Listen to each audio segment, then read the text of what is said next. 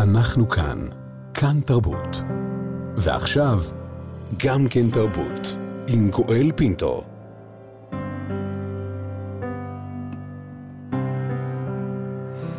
שלום, שלום לכולכם, אנחנו uh, כאן, גם כן תרבות, מגזין התרבות של ישראל, איתכם ביום השלושים למלחמת שבעה באוקטובר. מנסים להשיג נחמה, להתאחד, להרגיש יחד בימים הקשים שעוטפים את כולנו. יותר מ-1,400 ישראלים, אזרחים וחיילים נרצחו, כ-240 נחטפו לעזה ואלפים נפצעו.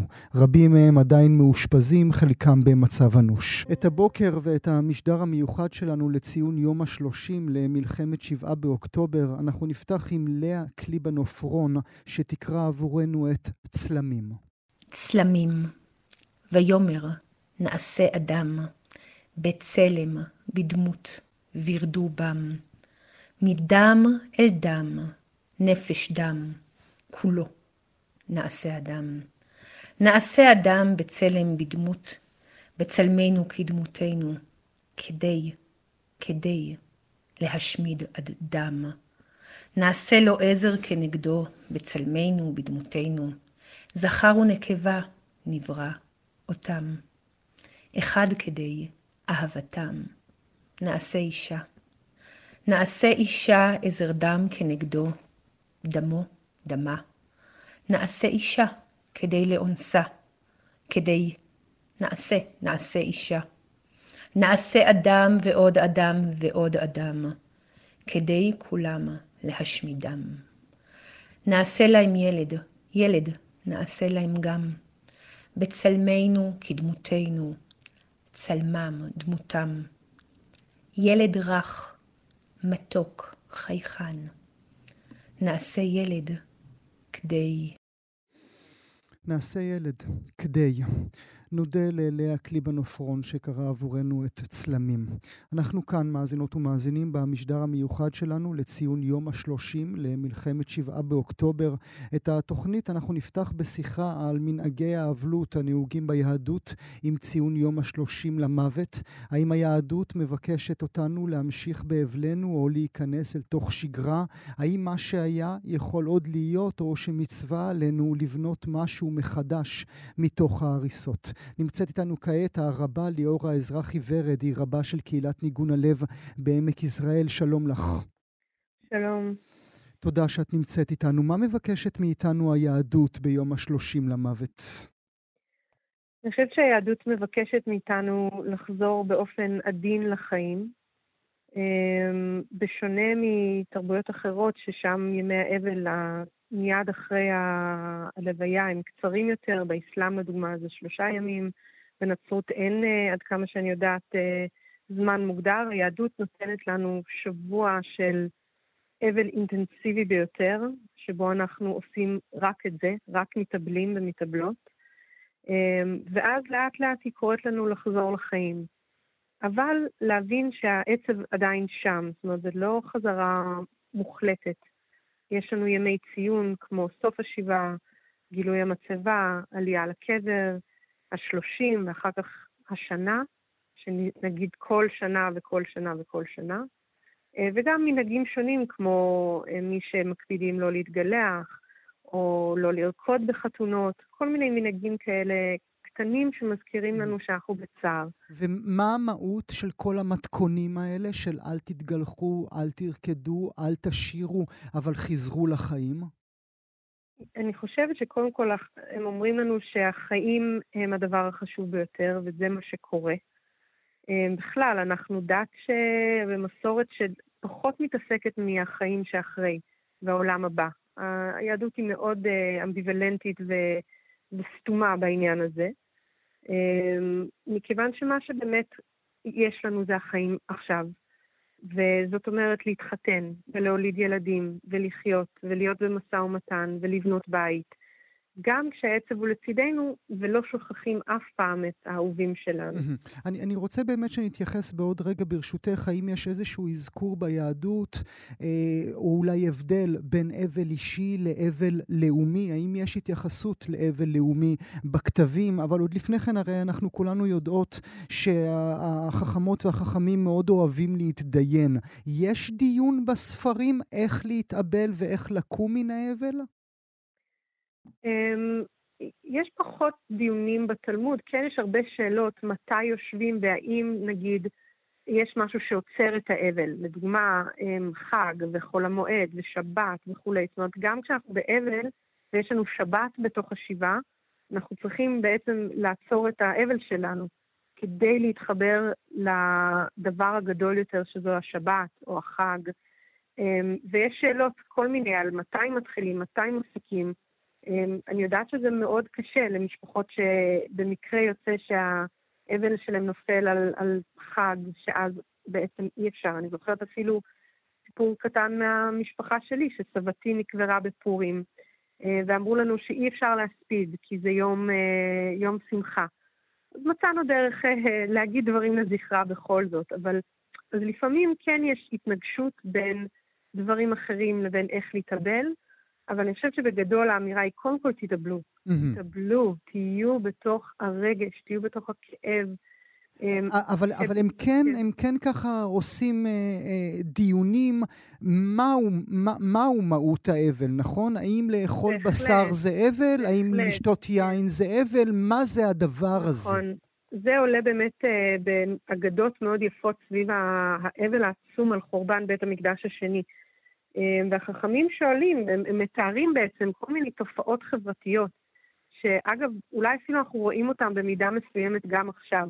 אנשים באבל כל כך עמוק, לא רק על הטרגדיה האישית שלהם, אלא על הטרגדיה הלאומית, שהם חייבים לעשות משהו דרמטי. לדוגמה, להימנע מבשר, לדוגמה, להימנע מיין.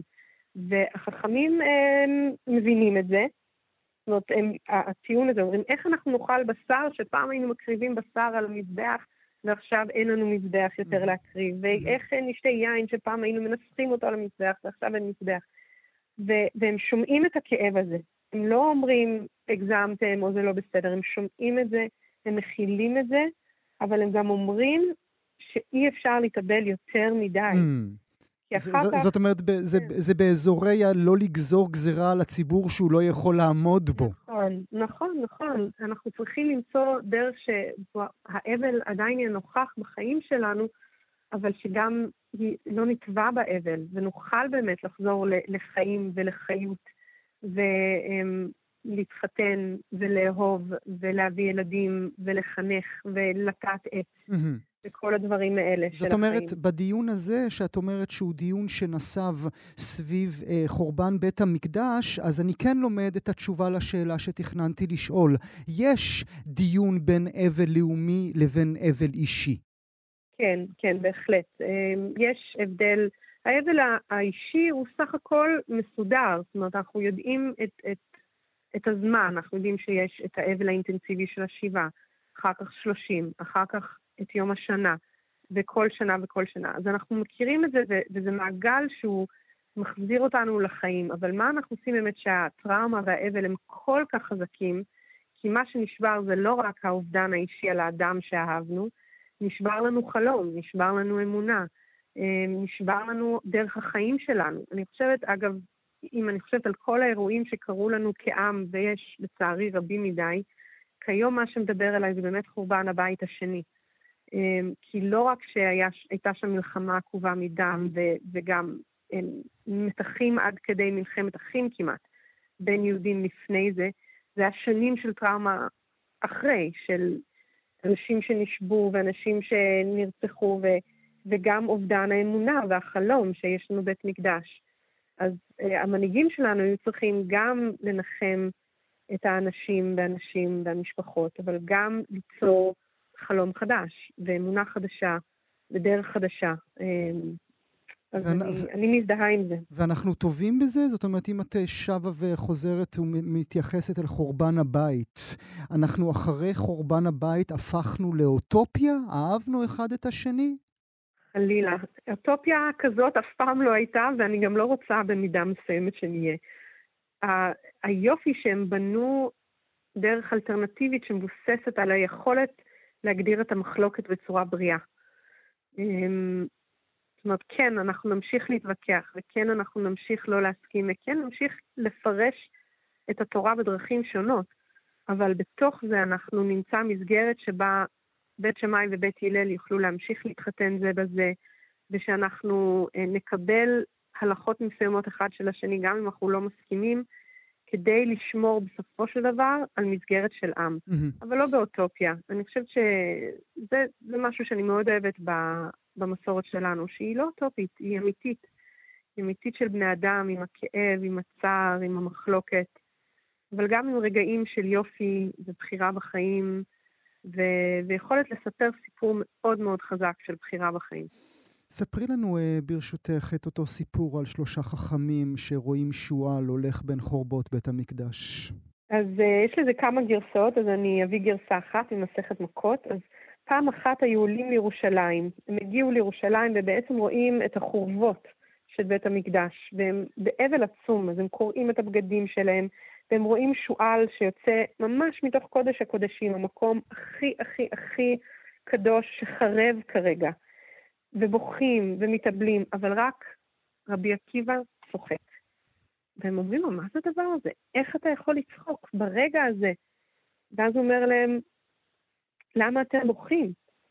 הם אמרו, תראה, המקום הזה, הכי קדוש, שרק לכהן הגדול היה מותר להתקרב, עכשיו השועלים הולכים פה ואנחנו לא נבכה. ואז הוא אומר, וזה כל כך יפה, אני צוחק בגלל שיום אחד המקום הזה יהיה מלא בצחוק. הוא מביא את הפסוק הכל כך יפה מספר זכריה, עוד ישבו זקנים וזקנות ברחובות ירושלים, ואיש משענתו בידו מרוב ימים, ועוד ישחקו ילדים ברחובותיה וכולי. באמת, אחת מנבואות הנחמה היפות ביותר, שהיא כולה אה, דימוי של חיים כירושלמית, אה, אני כל כך אוהבת את זה. אה, וגם מאמינה שזכיתי לראות את זה במידה מסוימת בחיי.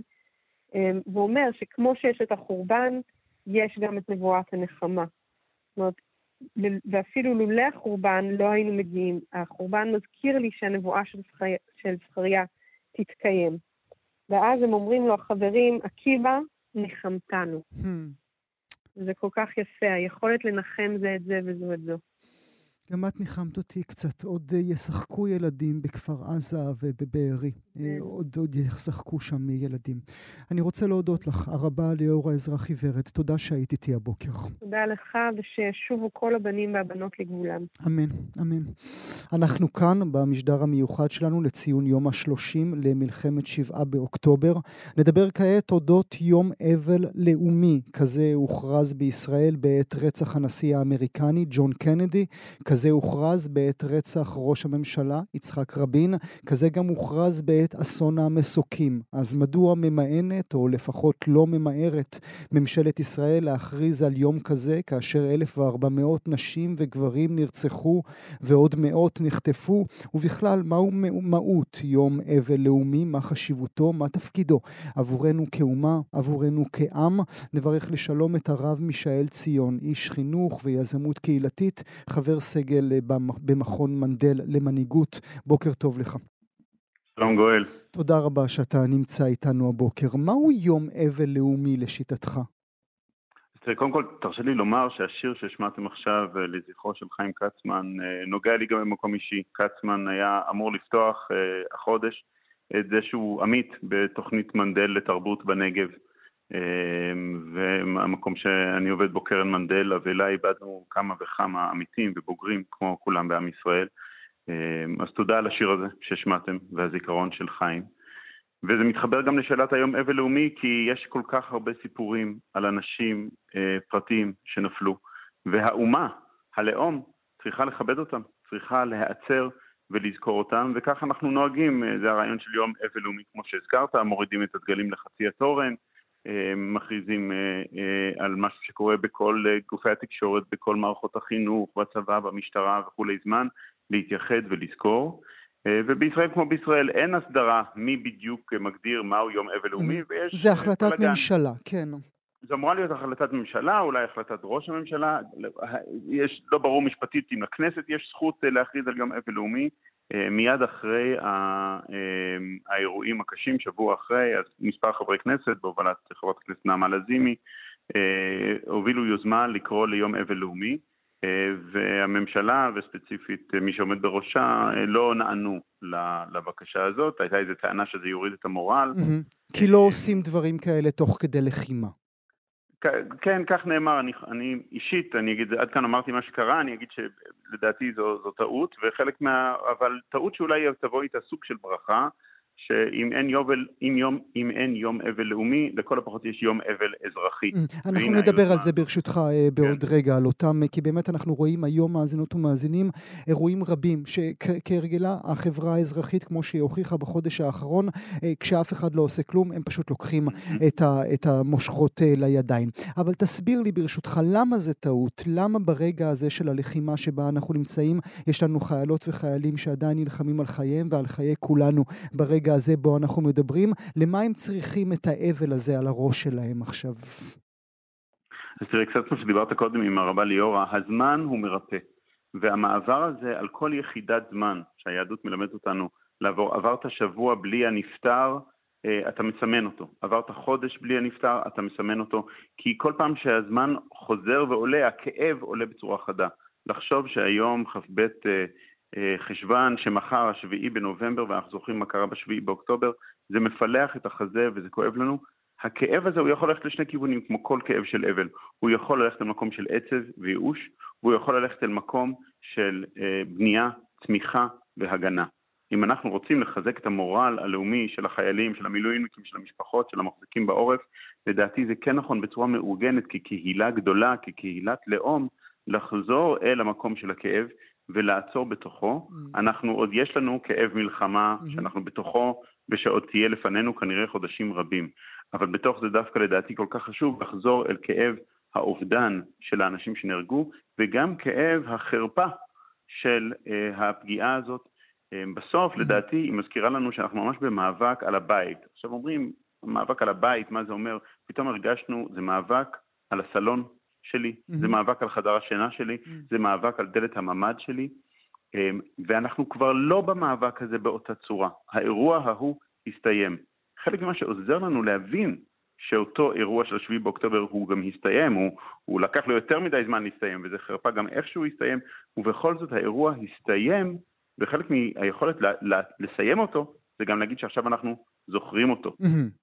אבל מעבר לזיכרון, נדמה לי שאתה מדבר גם על סולידריות, נכון? גם על mm. ביחדנס, מין יום כזה שיעטוף את כולנו באדוות וברבדים עמוקים של עצב, שנבין שכולנו יחד, כי נדמה לי שכבר בימים האחרונים אנחנו מתחילים להרגיש את אותו יחד שאמרנו, מתחיל ומתפורר לנו בין הידיים.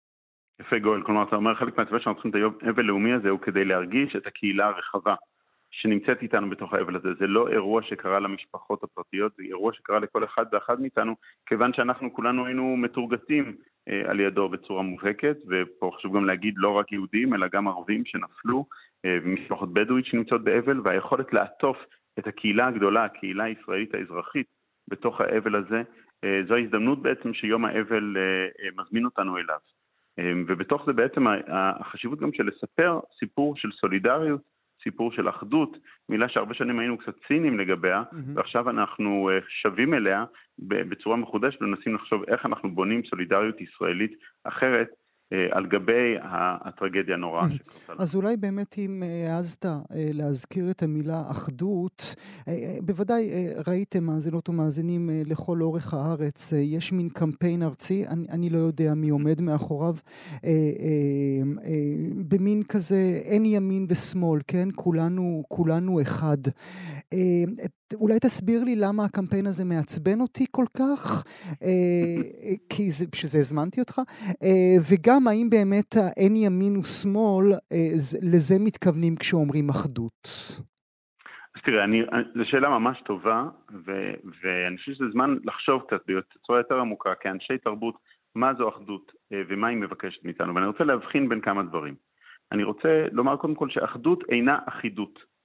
אבל יש רצון כזה, יש רצון להגיד שאחדות זה אחידות, כולם צריכים לחשוב אותו דבר, להתייצב לאותו דגל, להאמין באותם דברים, ושזו מה שהמלחמה קוראת אותנו אליו. והיה גם תקופה שניסו לבנות אחדות ישראלית סביב תפיסת כור היתוך, שכולנו נהיה אחידים. ואני חושב שההיסטוריה הישראלית לימדה אותנו שזו טעות, אבל זה לא אומר שצריך לזרוק את האחדות אה, אה, לאסלה. אה, אנחנו מתנגדים לאחידות, ואנחנו צריכים למצוא דרך לקיים אחדות שהיא לא, אה, שהיא לא מיד מתמסרת לאחידות. אני חושב שפה מה שעוזר לי היא הבחנה אה, שעושים אותה בפילוסופיה היהודית בין שני סוגים של אחדות, בין ברית גורל וברית ייעוד. ברית הגורל היא מה שהאויב המשותף עושה לנו. היא אומרת לכם יש גורל אחד, גורל אה, למות בחרב שלי, ב-RPG שלי, בהתקפה שלי, ואתם קבוצה אחת, כי אני, האויב, סימנתי אתכם כקבוצה כזאת. ואנחנו בעצם הופכים להיות, מ"אני" ו"אתה", אנחנו הופכים להיות ל"אנחנו" בעל כורחנו. אה, העם היהודי וגם מדינת ישראל מכירה היטב את הרשמים של ברית הגורל הזאת, והיא עובדת חזק. לא סתם צה"ל הוא דבר שברמת העיקרון אה, הרבה ישראלים רוצים להתאחד סביבו. Mm-hmm. אבל בצד השני של זה יש סוג אחר של אחדות, והיא אחדות של ברית הייעוד. ברית ייעוד היא לא מה האויב החיצוני אומר לנו שאנחנו צריכים להיות. ברית הייעוד היא מה אנחנו רוצים שהייעוד שלנו יהיה. ברית הייעוד הוא הערכים המשותפים, mm. הסיפורים. המשותפים, mm. והיכולת לדמיין עתיד ש... ותקווה שיש לה מאפיינים משותפים, mm-hmm. וזה הרבה יותר קשה. אתה לא תמצא שני, אה, שני אנשים, שני ישראלים שיש להם אותו אה, ייעוד מוסכם. ופה ברגע הזה צריך מאוד להיזהר לדעתי. כי, כי הנטייה אדם... הטבעית שלנו היא לרישה של הדברים שלך, כן? ויש בזה מין, מין, מין הכעס, כן? למה שהאחדות תבוא לתוכנו רק כי איש רע דופק לנו בדלת? אני לא יכול להיות עם בעלי בזוגיות רק כי משהו מפחיד קורה בחוץ. אני צריך להיות איתו בזוגיות כי אני רוצה להיות איתו בזוגיות.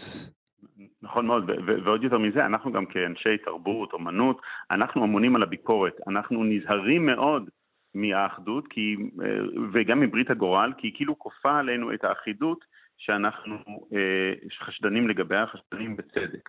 ואני חושב אבל שיש כאן רגע, קודם כל להגיד, יש לנו רגע שבו ברית הגורל חזרה. אנחנו כאן במשדר מיוחד לציון יום השלושים למלחמת שבעה באוקטובר.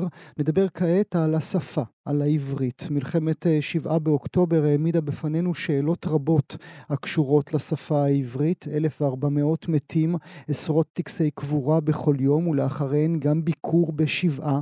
אבל איך אומרים שבעה ברבים? שבעות? שבעות? אני לא יודע. איך אומרים חלל בנקבה? חללה אולי? האם אנחנו ננצח יחד או ננצח ביחד?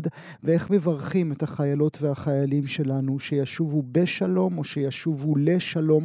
נברך לשלום את, ה, את ראשת המזכירות המדעית של האקדמיה ללשון העברית, רונית גדי. שלום לך, רונית. שלום. תודה שאת נמצאת אה, איתנו הבוקר. השפה העברית ברגעים האלה צריכה להחיות עצמה, צריכה לגלות עצמה מחדש? אמ, תראה, אני הייתי אומרת שבהתחלה הייתה הרגשה שאין מילים. Mm-hmm. הרבה אנשים אה, ממש התבטאו ככה, כן, אה, ש, שחסרות מילים. האמת אה, שלא חסרות מילים, כי אסונות זוועות הן נחלת ההיסטוריה של כל האנושות בכלל, וגם של ההיסטוריה היהודית. אחת הפניות שחזרו אלינו, כשהתחילו לחזור פניות, בהתחלה בכלל לא היו פניות, הייתה, איך נקרא לדבר הנורא הזה שהיה ב-7 באוקטובר, אה, ומעניין... אה, למה חיפשו מילה? המילה טבח לא הספיקה להם? לא הייתה מדויקת להם? שואה, והרגשה שלא, חייבים לתת לדבר הזה שם ש, שעוד לא היה. זאת הייתה הרגשה. אנחנו יודעים ש...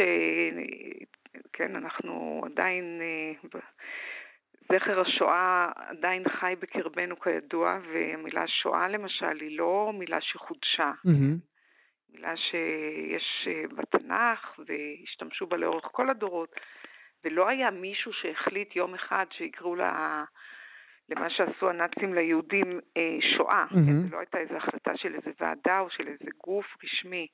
אני מניחה שגם פה בסופו של דבר יתקבע משהו. אבל זה לא התפקיד שלכם, זאת אומרת לקרוא נכון. שם למלחמה או נכון. לקרוא שם ליום ההוא, זה לא התפקיד של האקדמיה, אבל כן נכון, יש אבל לכם... פנו אלינו, פנו כן. אלינו בעניין הזה לא, לא מעט אנשים. אז איך באמת אומרים שבעה ברבים? טוב, אז המילה שבעה היא הרי מילה מיוחדת, כי שבעה בעצם זה שם של מספר. כן, שבעה ימים. אז מה שקרה בעברית, לא עכשיו, כבר, אנחנו, מי שכבר ישב שבעה מכיר את זה עוד לפני שנים, שהמילה שבעה היא הפכה למילה בנקבה, כן? מהמם. השבעה הייתה קשה, השבעה הייתה אה, חוויה מיוחדת, אני יודעת, אפשר להגיד דברים כאלה, נגיד. היו רוגלחים טעימים בשבעה. בשבעה, לא, אבל... כן, כן, לא, לא השם הצלחתי, התואר, כן, כן. ואז אה, ברגע שזה הפך למין שם עצם בנקבה, אז יש לו צורת רבים, שבעות כנראה. שבעות. ואני חושבת שזה באמת אחת הפעמים שאנשים אה, חוו אה, הליכה משבעה לשבעה. מהמם. זה, זה לא דבר שנורמלי, כן? בלתי נתפס בעצם. אז הגיעו אלינו שאלות בעניין הזה. ואפשר תמיד לה- להגיד, הלכתי לכמה ניחומי אבלים. מהמם. אבל אה, כן, מה, מה את מעדיפה? את מעדיפה שנשתמש בשבעות, שלא נדע, או שאת מעדיפה שנעקוף את זה? אה, אני לא מתערבת בזה. זאת אומרת, ברגע שהמילה שבעה, זאת אומרת, מבחינתי, ברגע שאני אומרת, אני באופן אישי אומרת שהשבעה הייתה, או שבעה כזאת או אחרת, אז אני, אני כבר בעצם הפכתי את זה לשם עצם, אז אני לא רואה סיבה להילחם בזה.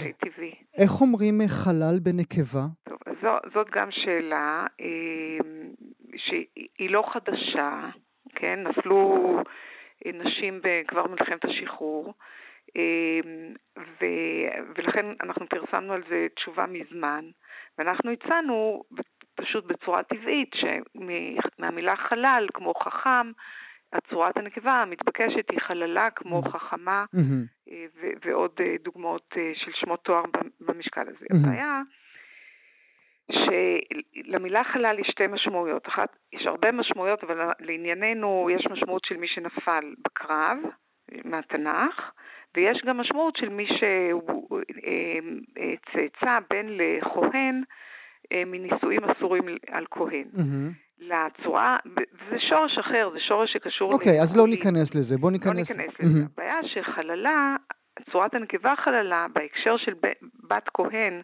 מנישואים אסורים, מוכרת. היא כבר אוקיי. נמצאת בתנ"ך. אוקיי. יש אנשים שזה לא נוח להם, מהמם. כי ההקשר שם הוא הקשר שלילי. מהמם.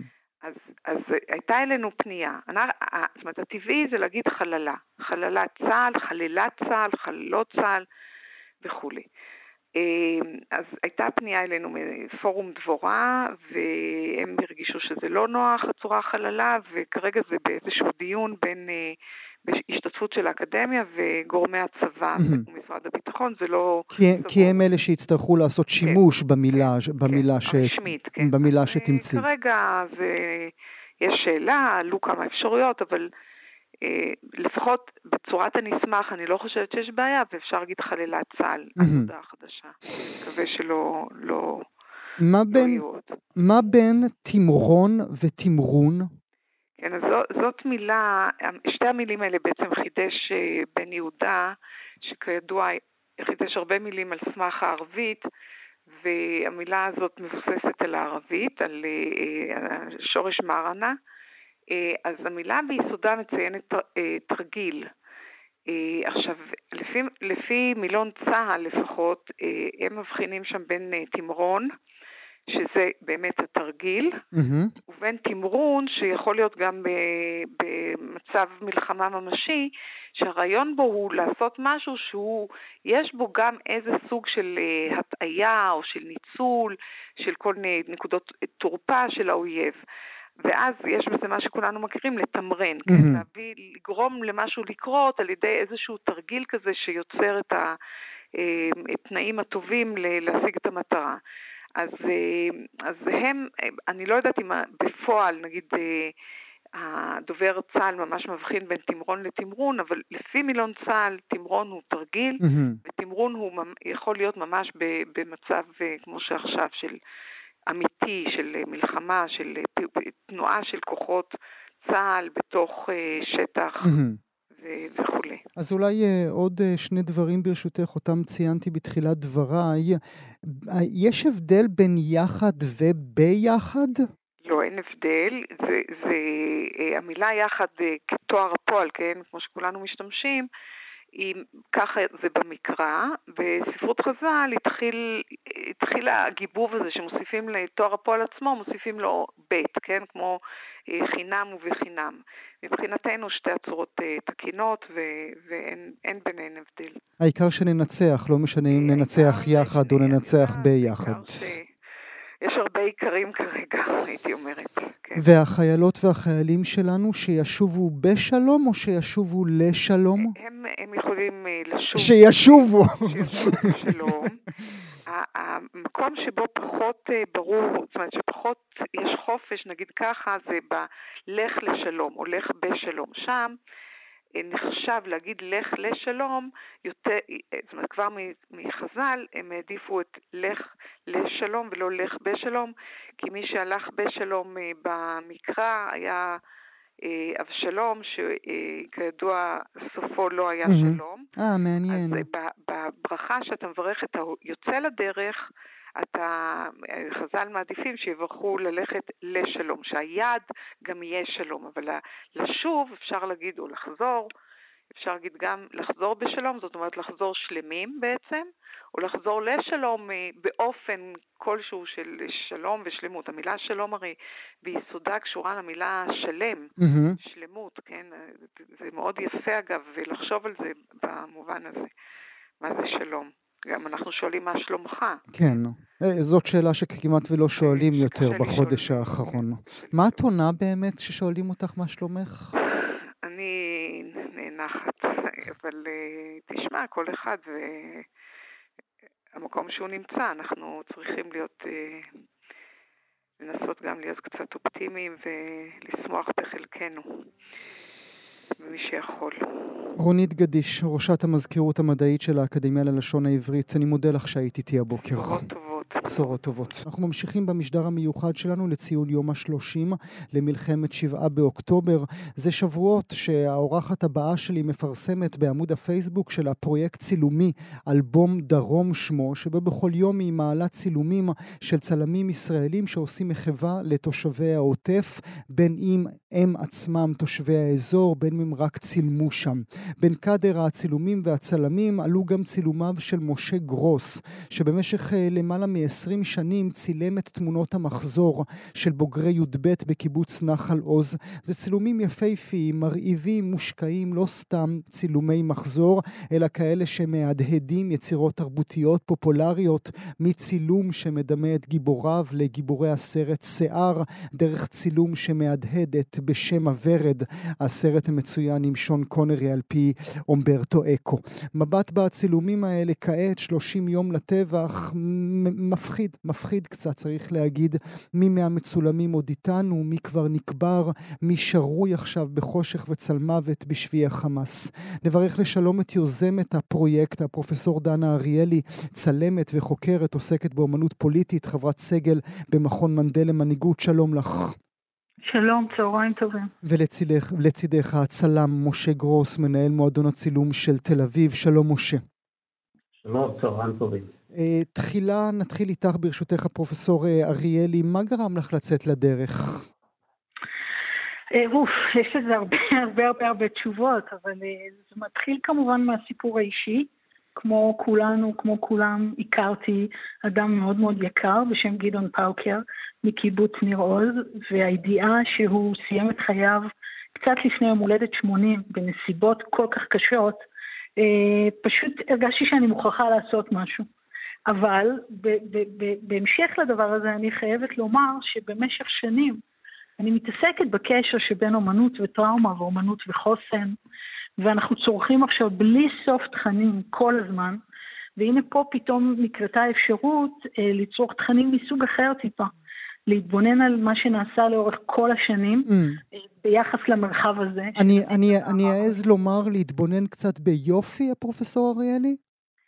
תראה, אין שום ספק שמרגע שהפרויקט יצא לדרך, הגיעו אה, תיקי אה, אומנים, תיקי אומני, אה, נגיד בעיקר אה, צילום עיתונאי, שיופי היה מאוד מאוד רחוק ממנו. זאת בעצם הייתה הזוועה בהתגלמותה. אבל עלתה השאלה לאן לקחת את הדבר הזה, והבחירה שלי הייתה להבין, אנחנו מבינים את ההקשר, אנחנו מבינים שזה terrible beauty, שזה יופי נוראי, כי כל דבר מקבל כרגע משמעות חדשה, הזכרת קודם כמובן את האלבום של משה, mm-hmm. ובכל זאת, ללכת אל המקום שעשוי לייצר את החוסן החברתי שלנו, ולא אל המקום אה, של הזוועה הנוראית שנחשפנו mm-hmm. אליה. כי מה, כי את רוצה דרך הפרויקט הזה ליצור את הביחדנס?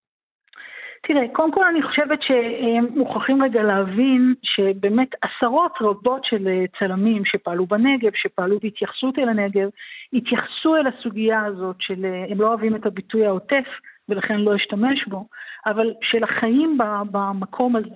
ואני חושבת שהביטוי השגור של 95% גן עדן, 5% גיהנום, שבבת אחת התהפך עלינו, אה, יצר איזשהו צורך אצלי לא לייצר ביחדנס כמו להבין ש, שרבים בתוך הציבוריות הישראלית היו והתעסקו בהיבט התרבותי בשאלות האלה mm-hmm. עוד הרבה לפני השבעה באוקטובר, ובוודאי שביתר שאת אחריו. אפשר אה, אולי היום להבין קצת יותר מדוע אה, את אה, עוסקת לאורך כל הקריירה שלך במונומנטים כאלה של רוע, מונומנטים של כאב, מונומנטים של אסונות של עם? תראה, אני חושבת שבסופו של דבר אה, אומה, ובהקשר הזה, אתה יודע, חייבים להגיד רגע משפט אחד שהוא קולקטיבי, אומה נבחנת גם ביכולת שלה לייצר תרבות זיכרון. אה, ותרבות זיכרון של אה, שבעה באוקטובר מתהווה ממש בימים האלה. אני חייבת לומר לך שלהבנתי, הרוב המכריע של התגובה אה, תיווצר בהמשך. וזה לא בגלל הקלישאות של אה, שתיקת המוזות, אלא באמת אירועים מהסוג הזה, כמו שאנחנו יודעים אותם, יוצרים הלם, וההלם הזה אצל יוצרים פעמים רבות מוחלף בהלם, באלף. Mm-hmm. אנחנו ראינו את זה ברצח רבין, שציינו זה עתה 28 שנים, וראינו את זה בטראומת העל של החברה הישראלית, השואה. Uh, התגובות לא ממהרות להגיע, זה לוקח המון זמן לאבד את הזוועה הזאת. ולכן צריך להפנות את לא המבט. לאחור? ולכן הבחירה שלי הייתה לנוע על כל הצירים. אני כן, למשל, אה, בשבת, כי, כי אי אפשר היה שלא, ארבעה שבועות לאירוע המכיל הזה, העליתי אה, אלבום של אמיר גולדשטיין מסיירת הרחפנים, שכן מראה אה, שני קיבוצים שהוא תיעד אותם, והוא תיעד אותם אחרי. ובכוונתי עוד להעלות אי אלו, יש עוד עשרות רבות של תיקים, אי אלו צלמים שמתעדים מה שקורה כרגע, למשל כמו הצילום של מיקי קרצמן, שהוא, שהוא מצד אחד מתעד, ומצד שני נוצר אה, בתגובה לעובדה שדודתו נחטפה מהקיבוץ, אבל כרגע אני עוד משהה את הנגיעה הישירה של הצילום העיתונאי. מעניין, את יודעת, זה, זה לגמרי מתחבר לדברים שאמרת קודם, הפרופסור אריאלי, כי אולי רק אחרי שנראה את הפרויקט כולו, נוכל להסיק מסקנות לגביו, נוכל להבין מה אנחנו בעצם חשים אל מולו. כן, אני אגיד ש, שכמובן, אתה יודע, יש כאן המון שאלות, אבל בעיניי גם הנגיעה של הצילום אה, האומנותי בסוגיה הזאת, גם במקרים שהוא מבוים, כמו שלמשל נכון לגבי התיק של אה, עדי נס, אה, או הקבוצת יצירות המופלאה של סופי ברזון מקאי, וגם של משה, mm-hmm, במובנים כן, רבים כן. צילום מבוים, השאלות האלה של מתי הצילום הוא אמנותי, מתי הוא מתעד גרדה, מתי הוא מתעד עבור עיתון, mm-hmm. ומהם הגבולות של טיפוסי הצילום הם, הם שאלות מרתקות בזכות mm. עצמן, אבל כן, הפרספקטיבה תתקבל אחרי שיעלו לפחות 70-80 תיקים. אז אה, נשים נקודה ברשותך ונעבור אליך. כאמור, אה, הצלם משה גרוס, מנהל מועדון הצילום של תל אביב. נכון, נכון שהצילומים שלך מבוימים, אבל כן רואים חיים, כן רואים את הילדים היפים, יפים, יפים האלה, כשהם עושים פוזה של שיער אל מול המצלמה, כשהם עושים את שם הוורד אל מול המצלמה, אתה כן רואה את הרוח שלהם בתוכה. הצילומים כל כך יפים, משה, אבל אני מקווה שאתה והמאזינות והמאזינים שלנו אה, אה, אה, לא יכעסו עליי. אי אפשר שלא להתבונן בפנים היפות האלה ולא לטעות איפה הם אותם עכשיו, אותם ילדים. נכון, כשאני מביט עכשיו בכל התמונות האלה, אז קופצות, ממש קופצות למול עיניי כל מיני דמויות שכל כך נראות צעירות ויפות, וחלק מהן קשורות באמת למה שקרה במשך השבת. אמ, חלק מהם בעצמם נרצחו, נחטפו, או חלק מבני משפחותיהם. ולפחות ב... אני, אני הגשתי שמונה תמונות מתוך 23 לפרויקט הזה של דנה, ויש שם כמה תמונות, אני מוכרח להתעכב על צילום אחד של באמת שהזכרת אותו, של, שמבוסס על הסרט אה, שם הוורד, mm-hmm. ויש שם קבוצה של אינקוויזיטורים שמובילה שתי נערות שנחשדו בכשפים, ואחריהם הולכים אה, אה, כמה כפריים, mm-hmm. כמה זוגות של כפריים. וזוג אחד של כפריים, אה, אני רק רוצה להזכיר, זוג אחד של כפריים ממש צמודים אחד לשני. הגבר הוא צחי עידן, שנמצא כרגע בעזה, נחטף. הבת שלו, מעיין, נרצחה. והוא מחבק את אה, יסמין לבנה, שהיא ובעלה ושתי בנותיהן נרצחו. ואני רואה את התמונה הזאת, זאת פשוט, אה, אני לא יודע, בא לבכות, אין, אין, אין מה, לומר יותר מזה. ואני מביט גם בתמונות אחרות, יש תמונה של, למשל, של אה, תמונת שחור לבן, שיושבים בה סביב שולחן מעין משפחה, משפחה בתחילת המאה שעברה או באמצע המאה שעברה, ובראש השולחן יושב אורי רבי, שאימו אלמה, בת 84, נחטפה, ועומד לידו, רק שנייה אחת, עומד לידו בועז ליבנה, שאחותו יסמין, הזכרתי אותה עכשיו, שהיא ובעלה ושתי תמותיה נרצחו. וכך כמעט בכל תמונה. פשוט, פשוט מזעזע לראות את זה ולחשוב את זה. פשוט. פשוט אי אפשר יותר, פשוט אי אפשר יותר. אפשר, אפשר ברשותך, משה, לומר משהו על היום שאחרי, דווקא ביום שאנחנו מציינים 30 לטבח? אמ, אני, אני מכיר את אה, קהילת נחלות, חייתי שם 23 שנים כחבר. צילמתי כל הזמן, עבדתי בשדה בכותלה. ואני מכיר את הקהילה, הקהילה הזו הייתה תמיד קהילה עם חוסר חברתי בלתי רגיל, קהילה מלוכדת, ואני בטוח שהיא תצא מזה. ייקח זמן, אבל יחזרו למקום ויבנו את המקום מחדש. אני מאמין במאה אחוז בזה, אני יודע שגם עכשיו עושים כל מיני פעילויות ש... שממש מייצגים את הרוח של נחל עוז.